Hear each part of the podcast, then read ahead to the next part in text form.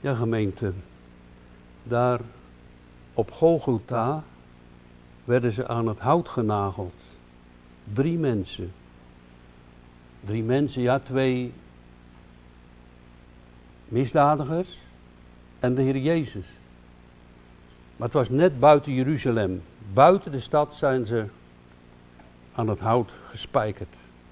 Ze waren veroordeeld door de Romeinse rechtbank. Gevonnist tot de kruisdood. Een marteldood. Vastgespijkerd hingen die drie mensen tussen hemel en aarde. De vorige week hebben we gezien en gehoord uit hetzelfde gedeelte dat toen de Heer Jezus daar hing en de mensen daar en dat volk daar joelend omheen stond, de Heer Jezus ging bidden. We willen vanmorgen zo letten op de gekruisigde Christus, wat hij deed, wat hij gedaan heeft en hoe vol liefde hij was en hoe stil hij ook was. Dat in zoveel aspecten van wat daar gebeurde op beschreven staat in het Oude Testament. Want hij bad daar, Vader vergeef het hun, want ze weten niet wat ze doen. En dat heeft indruk gemaakt, zeker op die ene kruiseling. En die ander, die daar ook hing, heeft de Heer Jezus gelasterd en gehoond. Maar rond het kruis, vrienden, liepen allerlei mensen. Het volk, ouderlingen, priesters, schriftgeleerden, fariseeërs. Nee, ze boden geen troost aan de Heer Jezus, maar scheldwoorden. Ze hadden geen medelijden met hem, maar ze zonden vervloekingen uit. Blasfemie. Ze wilden niet alleen dat Jezus gekruisigd was, dat zou voor onze zonde al genoeg geweest zijn, maar ze wilden de Heer Jezus met zijn werk ruïneren, kapot maken. Alles wat hij deed moest uitgebannen worden van de wereld. Ze werden aangedreven tot het uiterste. Ze werden aangedreven door de duivel om het werk van Christus stuk te maken. Jezus, het is voor ons toch wel heel duidelijk en ik hoop voor een ieder die de woorden van God zal horen, dat hij ooit gezegd heeft, ook toen later aan het kruis, het is volbracht. Daar kan niemand meer iets aan kapot maken. Het is werkelijk af. Ook vandaag aan de dag wordt de Heer Jezus gelasterd, miskend, niet geloofd, uitgeworpen. Zijn volk, de christenen, worden ook vervolgd en uitgespogen. Maar hij heeft gezegd, het is volbracht, het is af. Het werk van Christus is werkelijk helemaal af. En om u ook te laten meelezen uit Psalm 22, ehm, wat daar al, al beschreven stond, hoe die lastering rond het kruis was, lees ik u een paar versen uit Psalm 22. En in Psalm 22 is voorzegd, onder andere vers 8, 9, 14 en 17, alle die mij zien, bespotten mij. Ze trekken de lip op, ze schudden het hoofd en ze zeggen, hij, dat is de Heer Jezus, heeft zijn zaak op de Heer gewenteld. Laat God hem bevrijden. Laat die hem redden als hij hem genegen is. En dan vers 14. Want zij hebben hun muil tegen mij opengesperd. Als een verscheurde en brullende leeuw. Want honden hebben mij omsingeld. Een horde van kwaaddoeners heeft mij omgeven. Ze hebben mijn handen en mijn voeten doorboord. Zo hangt de Heer Jezus daar. En de geschiedenis, uh, of eigenlijk de predikatie vanuit uh, Jezaja is ook heel duidelijk. Hij is als een lam het slacht ingebracht. En hij deed zijn mond niet open onder de scheerders. Zo was de Heer Jezus. Er is ook een lied van dat hij de doornenkroon en zweeg onder al het laster stil. Wat een koning hebben wij.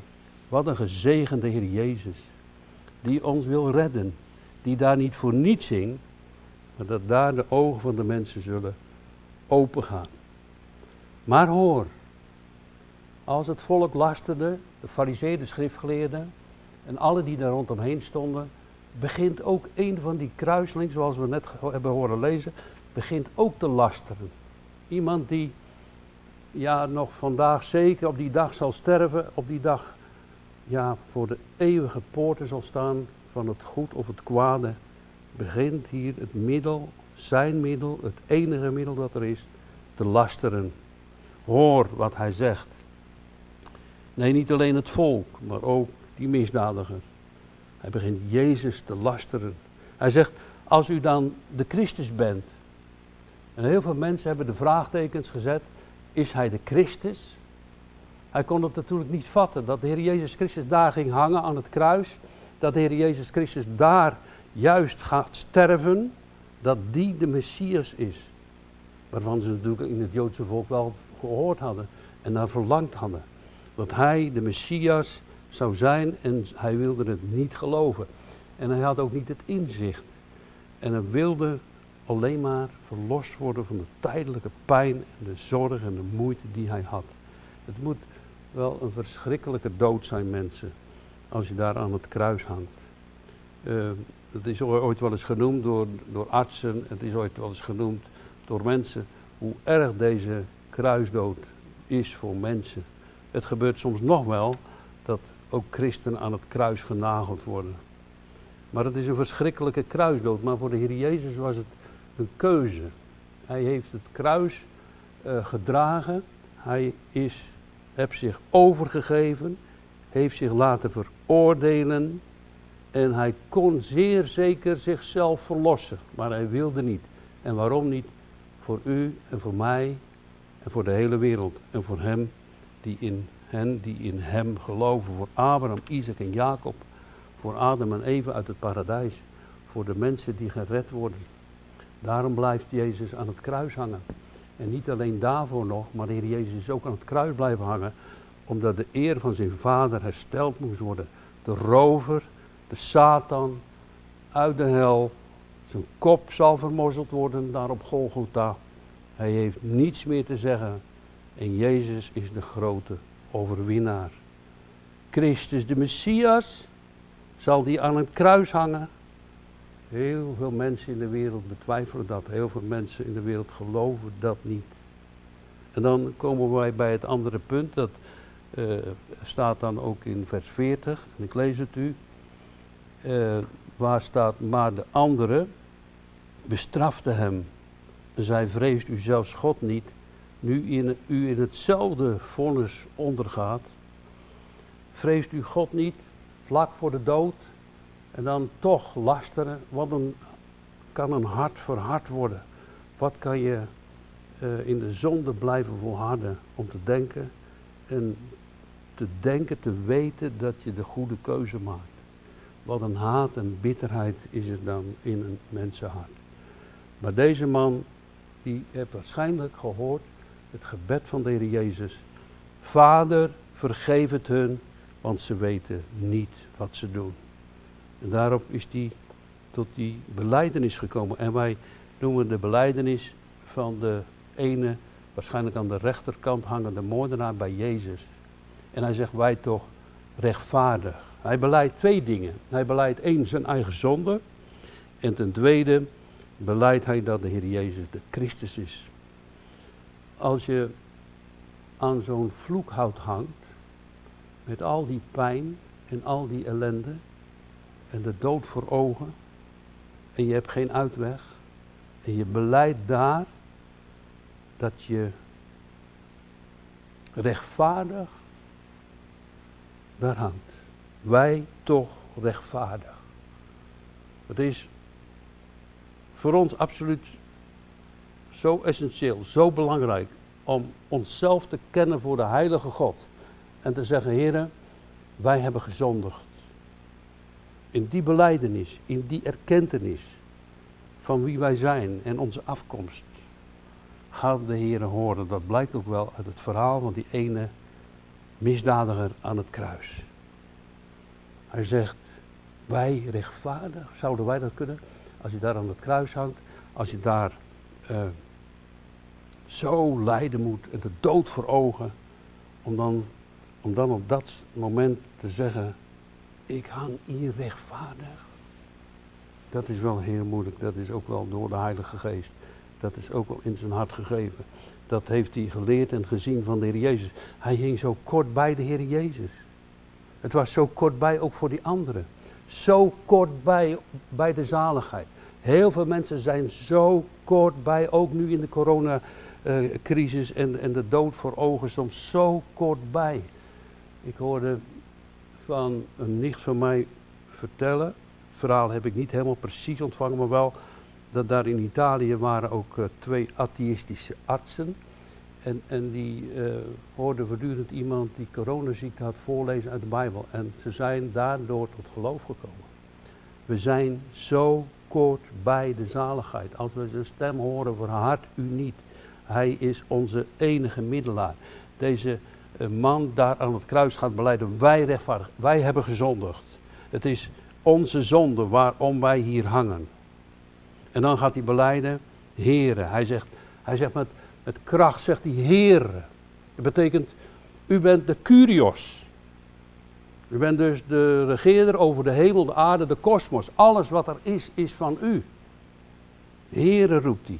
Erkentenis dat als we dus begonnen zijn dat er drie mensen hangen, daar genageld aan het hout, daar op Golgotha, is dit een Godmens. De mens, Jezus Christus, die ook eeuwig God was en blijft. Die door zijn trouw en liefde en de belofte aan God mens geworden is uit de maagd Maria. Hij kwam en we zongen het. Hij kwam bij ons heel gewoon. De zoon van God, de mensenzoon. En hij diende ons als een knecht. En hier staat het, Jezus heeft voor ons zijn leven afgelegd. De belofte vanuit de Heilige Schrift is zo dat alle die in hem geloven, die zullen het eeuwige leven ontvangen. Het is echt zo kortbij. Zo kortbij en dan toch verloren gaan. Zo kortbij. Misschien dat ze, ja we moeten nu twee meter afstand houden, anderhalf. Dat was misschien twee, drie meter. En dan kon hij de Heer Jezus aan, die kruiseling, zo, die daar hingen. En de Jezus in hun midden. Hij kon hem zien. Hij kon hem als het ware, hij heeft hem ook gehoord. Hij heeft hem ook horen bidden. Vader vergeef het hun, want ze weten niet wat ze doen. En Jezus zweeg bij al het lasteren stil. Maar die ene krijgt inzicht. Hij krijgt inzicht wie Jezus is. Hij krijgt inzicht wie hij zelf is. En dan, dan gaat die kruiseling, die gaat bidden. Hij roept de Heere aan. En hij zegt, en ik ga het met u lezen. En hij zei, zei tegen de Heer Jezus, Heere, denk aan mij als u in uw koninkrijk gekomen bent. En plotseling zie je hier wat heel die menigte en dat volk niet geloofde. Wat Jezus ook gezegd had tegen Pilatus. Mijn koninkrijk is niet van deze wereld, maar dat de Heer Jezus een koninkrijk heeft. Een koninkrijk waar Hij ons ook toe uitnodigt. Waar Hij ons toe oproept. Het koninkrijk der hemelen, zei Johannes de Doper, is tot jullie gekomen koninkrijk van God is gekomen met de komst van de Heer Jezus. En dat koninkrijk van God is binnenin u. Dat koninkrijk van God, wat hij noemt, daar ging Jezus als koning, als Curios, als eeuwige koning naartoe. Als u in uw koninkrijk zult gekomen zijn. Wat een beleidenis. Wat een erkenning. Wat een voor de Joden en heel het Sanhedrin, de overpriesters, een misleidende woorden zijn het geweest om de mensen van Jezus af te houden. Wat zijn het misleidende woorden om te stellen dat andere goden de weg zijn voor eeuwig heil of voor rust. Wat is het verschrikkelijk om de mensen te bedriegen. Wij mogen geloven in Jezus Christus. Wij mogen onder de leiding staan van de Heilige Geest. Al is het nu zo op via de livestream, al is het nu zo op afstand. Wij mogen het woord van God openen, wij mogen op zijn belofte vertrouwen. Wij mogen weten dat hij de Curios is, de koning van het koninkrijk der hemelen. Een heerlijk woord uit de mond van een stervende man. Een heerlijk woord en een verhogende uitspraak. Heere, gedenk mijner. Wat is het mooi om hem aan te roepen en te bidden. En hoe mooi zal het zijn, we zingen ook vaak een lied, hè? Hoe, wat zal het mooi zijn op die dag als Jezus terugkomt op de wolken. Wij zullen hem zien als hem en het Joodse volk die gekruisigd was met doorboorde handen, zoals we hier ook op dat schilderij kunnen zien. Daar is Jezus ook reddende met een doorboorde hand. Iemand die daar onder gaat, onder water gaat. En hij steekt zijn hand uit en hij wordt eruit opgetrokken en op een rots gezet. Jezus die daar hangt, is nog voortdurend bezig met zijn heilig middelaarswerk. Jezus hing daar niet als degene die gezondigd had. Nee, maar hij was daar en hing daar zonder zonde. En daarom lees ik u nog even die mooie teksten die Paulus gezegd had. Uh, deze toch, had die ene moordenaar gezegd, heeft niets onbehoorlijks gedaan. En dat is ook zo. Jezus is echt zonder zonde. Daarom kon hij opstaan uit het graf. Daarom is hij opgevaren naar de hemel. Daarom kon hij ook voor ons betalen. En in 2 Korinthe 5 vers 20 staat, waar Paulus zegt, die een gezant is van Jezus Christus. En die zegt alsof God zelf door ons smeekt. Namens Christus Laat u met God verzoenen. Want Jezus, die geen zonde gekend heeft, heeft Hij voor ons zonde gemaakt. Opdat wij zouden worden gerechtigheid God, Gods in Hem. Dat betekent zoveel, geliefde vrienden, dat Jezus daar zonder zonde hing. Maar dat Hij al die zonden van ons en al die schuld en al die dingen die wij fout deden, op zijn schouders laat en aan het kruis nagelt. Zo hing de Heer Jezus daar. Dat was zijn werk. Dat is zijn verdienste. Dat is zijn heerlijke naam. Die wij willen loven en prijzen. Hij voor ons. Zo zingen we ook de liederen.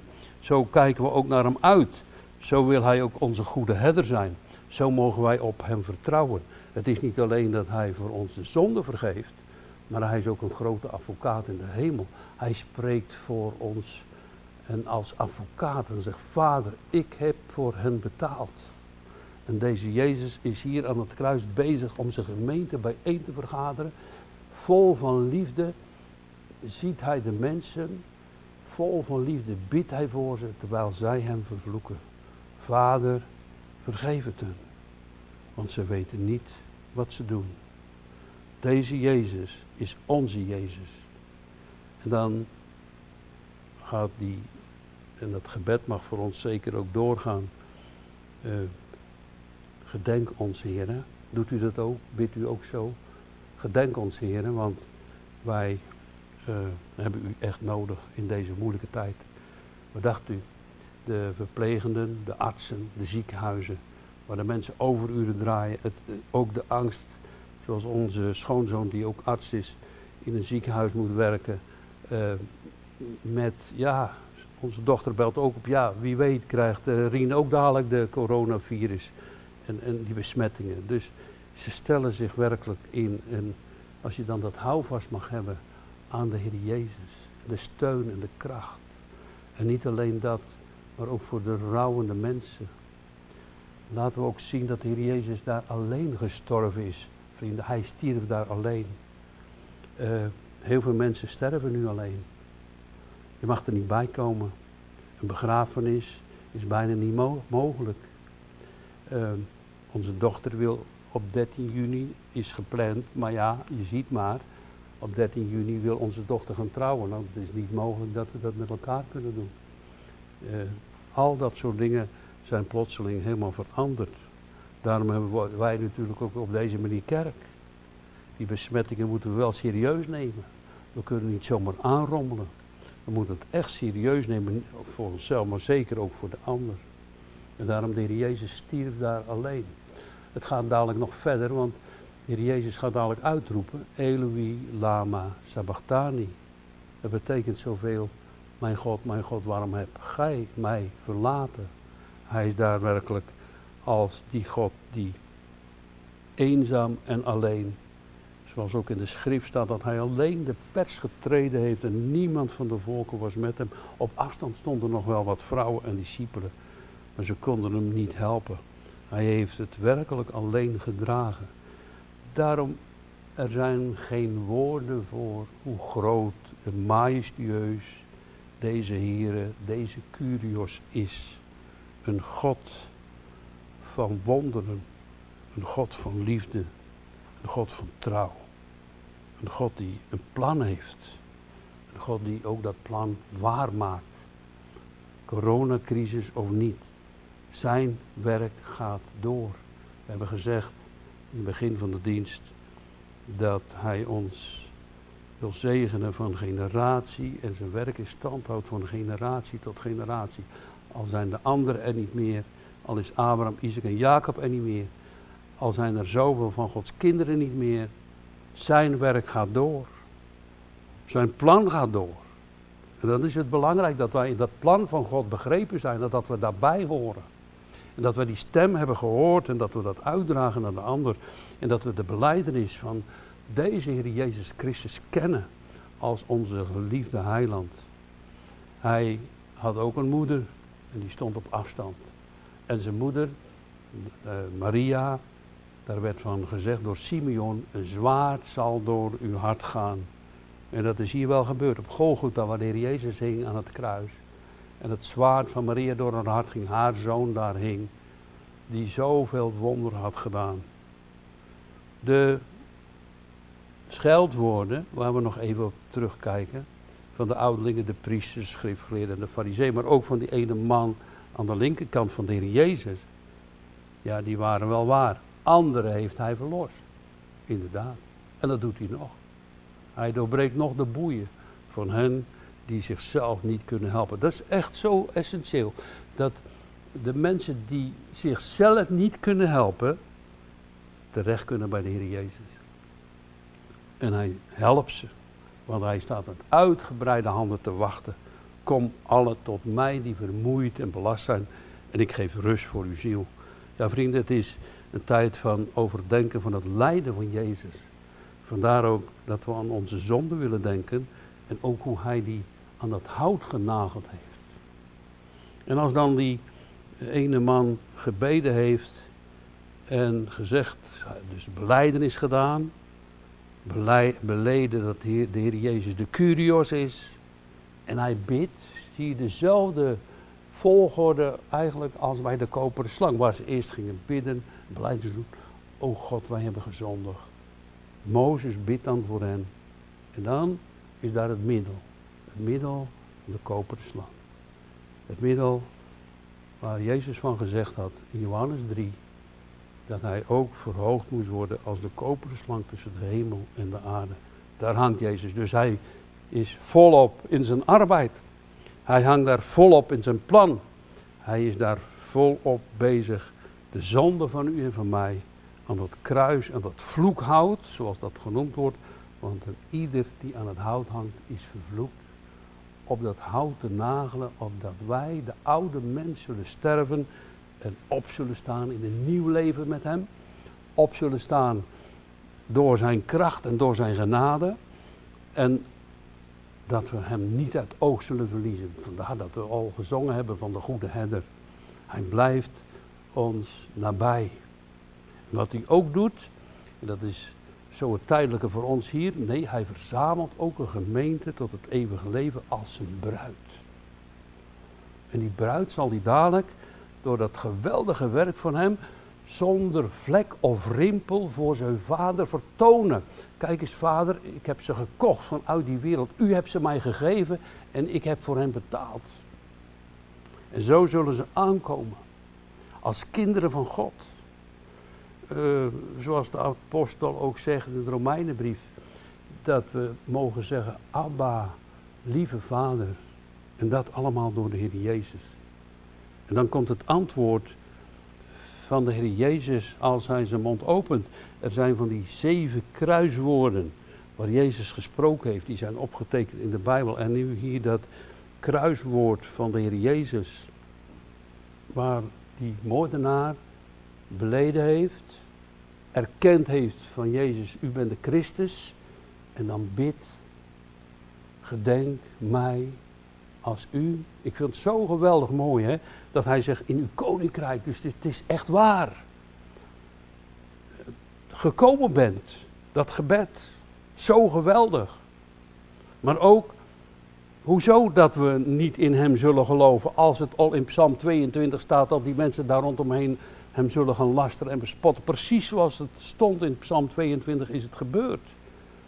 Uh, zou dat, ik vroeg mezelf wel af, zou dat nu nodig zijn dat, dat als de kruisiging en, en het vloekhout alleen is toch al genoeg voor betaling van onze zonde. Maar je ziet hier werkelijk dat de hel zich losbarst om dat niet toe te staan aan ons ellendige, verloren mensen zonder Jezus. Hij staat niet toe dat wij gered worden. Er is een afgrond van duisternis, van haat tegen God en tegen zijn schepping. Daarom, God geeft zijn geest, zijn heilige geest, opdat wij gaan zien, gaan erkennen wie hij is. En dat we gaan leren Hem lief te hebben. Alles uit Hem te verwachten. Het eeuwige leven, het nieuwe leven. Daarom het gebed van deze man gaat verhoord worden. Jezus opent zijn lippen. En hij zegt tegen hem, voorwaar. Dat betekent amen. Zeg ik u. Jezus' woorden waren als kracht. Dat is niet een leugen. Je mag erop vertrouwen. Als je in hem gelooft. Als je vanmorgen zijn stem hoort. Voorwaar, ik zeg u. Ik zeg tegen u die meeluistert. En voor u die hier zit. En voor ons allemaal. Ik zeg u. Om mijn werk. Om mijn dood. Om mijn bloed.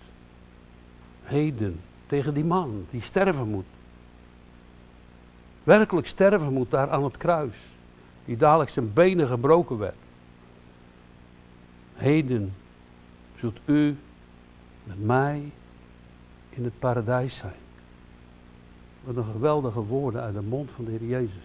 De eerste kruiswoorden waren: Vader, vergeef het hun, want ze weten niet wat ze doen. Gebed. En nu het middelaarswerk, ondanks de pijn van Jezus Christus, wordt hier een mens gered.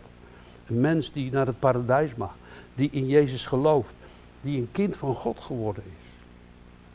Het paradijs. U weet toch wel dat het paradijs gesloten is. Dat daar een engel stond met een zwaard. Dat niemand van die bomen dus leven zou eten. Heeft Jezus daar aan dat kruis, het paradijs geopend. Zoals dat kleed door de midden gescheurd is in de tempel. En het heilige der heiligen gezien kon worden heeft Jezus het paradijs, de deuren van het paradijs geopend. Hij is als eerste ingegaan in het koninkrijk der hemelen. Hij, die God, die ons thuis brengt. We mogen hier leven, we mogen hier zeker op onszelf passen. Maar als dit leven hier en nu ons niet meer toekomst en perspectief geeft dan wat wij hebben, dan zijn we echt armzalige mensen. Wij moeten de eeuwigheid aan doen. Wij moeten sterven. Maar hoe sterf je? Die ene links van Jezus of die andere rechts van Jezus, die hem aanriep. Gedenk mij als u in uw koninkrijk komt. Wat een prachtig gebed. Wat een eenvoudig woord. Wat een hele korte bekering. Zo plotseling. Zo geweldig mooi. Terwijl dat volk daar joelde. Terwijl al die mensen daar hem beschimpten. Gaat hij door.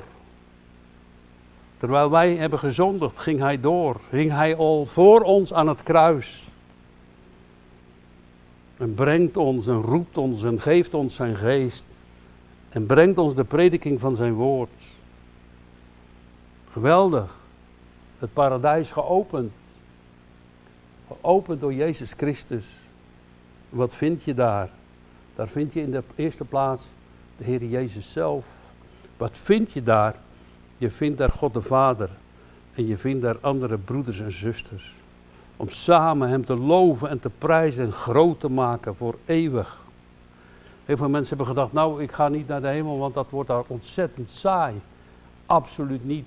Het wordt zeker niet saai in de hemel. Want als God hier al in de natuur ons zomer, winter, herfst, lente uh, geeft, en die jagertijden en, en de zon en de maan, de nacht en de dag. Ja, misschien dat mensen zich nu wat zitten te vervelen. Maar laten de mensen die thuis zitten dan ook nadenken wat God allemaal over hen gedaan heeft. Voortdurend heeft hij ons onderhouden met voedsel. Hij roept ons ook vanuit de schrift, maar ook nog zelfs vanuit de natuur, opdat wij zijn stem zouden horen. Paulus zegt op de Areopagus, hij is niet ver van een ieder van ons. Ja, hoe zou onze kerk, die toch het levende woord mag genoemd worden, het is toch wel een verheven woord, vindt u niet? Levende woord, dat is Jezus zelf. Hoe zullen we daar dan mee omgaan? Hoe zullen we ons gedragen? als mensen, als een gemeente van het levende woord. Dat kan toch niet anders zijn als ook levend gemaakt te willen en, en geworden te zijn, maar ook dan Hem te verhogen, Hem lief te hebben, Hem te aanbidden, Hem te danken, Hem te loven en te prijzen. Ons te gedragen als een kind, als zijn kind, als een schaap dat Hem volgt. En daar hebben we voortdurend zijn woord voor nodig en de Heilige Geest. Kijk, en als die man hier zo kort aan het einde van zijn leven tot bekering komt en dan zomaar dadelijk in het paradijs is, klinkt het misschien wel raar voor u dat u denkt, ja, in het paradijs. De Jezus was toen toch nog niet in het paradijs, want hij heeft dan toch nog 40 dagen over de wereld. En hij is daarna opgevallen, heden zult gij met mij in het paradijs zijn. Maar dat betekent zo dat God ook mens, maar ook eeuwig God is. Hij zal daar als hij daar gestorven is, die ene moordenaar, en zijn benen daar met een grote mokerslag zijn, worden zijn benen door de midden geslagen. En hij is in de eeuwigheid, wordt deze man gedragen door de engelen in de hemel. Hij is verlost.